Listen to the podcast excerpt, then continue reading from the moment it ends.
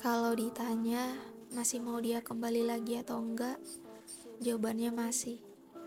Aku nggak peduli dia udah jadi versi terbaiknya atau belum. Ya karena yang aku mau cuma dia.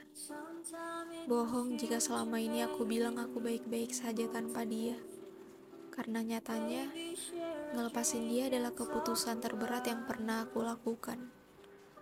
Entahlah, kalau kata orang, mengulangi dengan orang yang sama itu sama kayak baca buku dua kali. Tapi dia kayak sesuatu yang aku suka.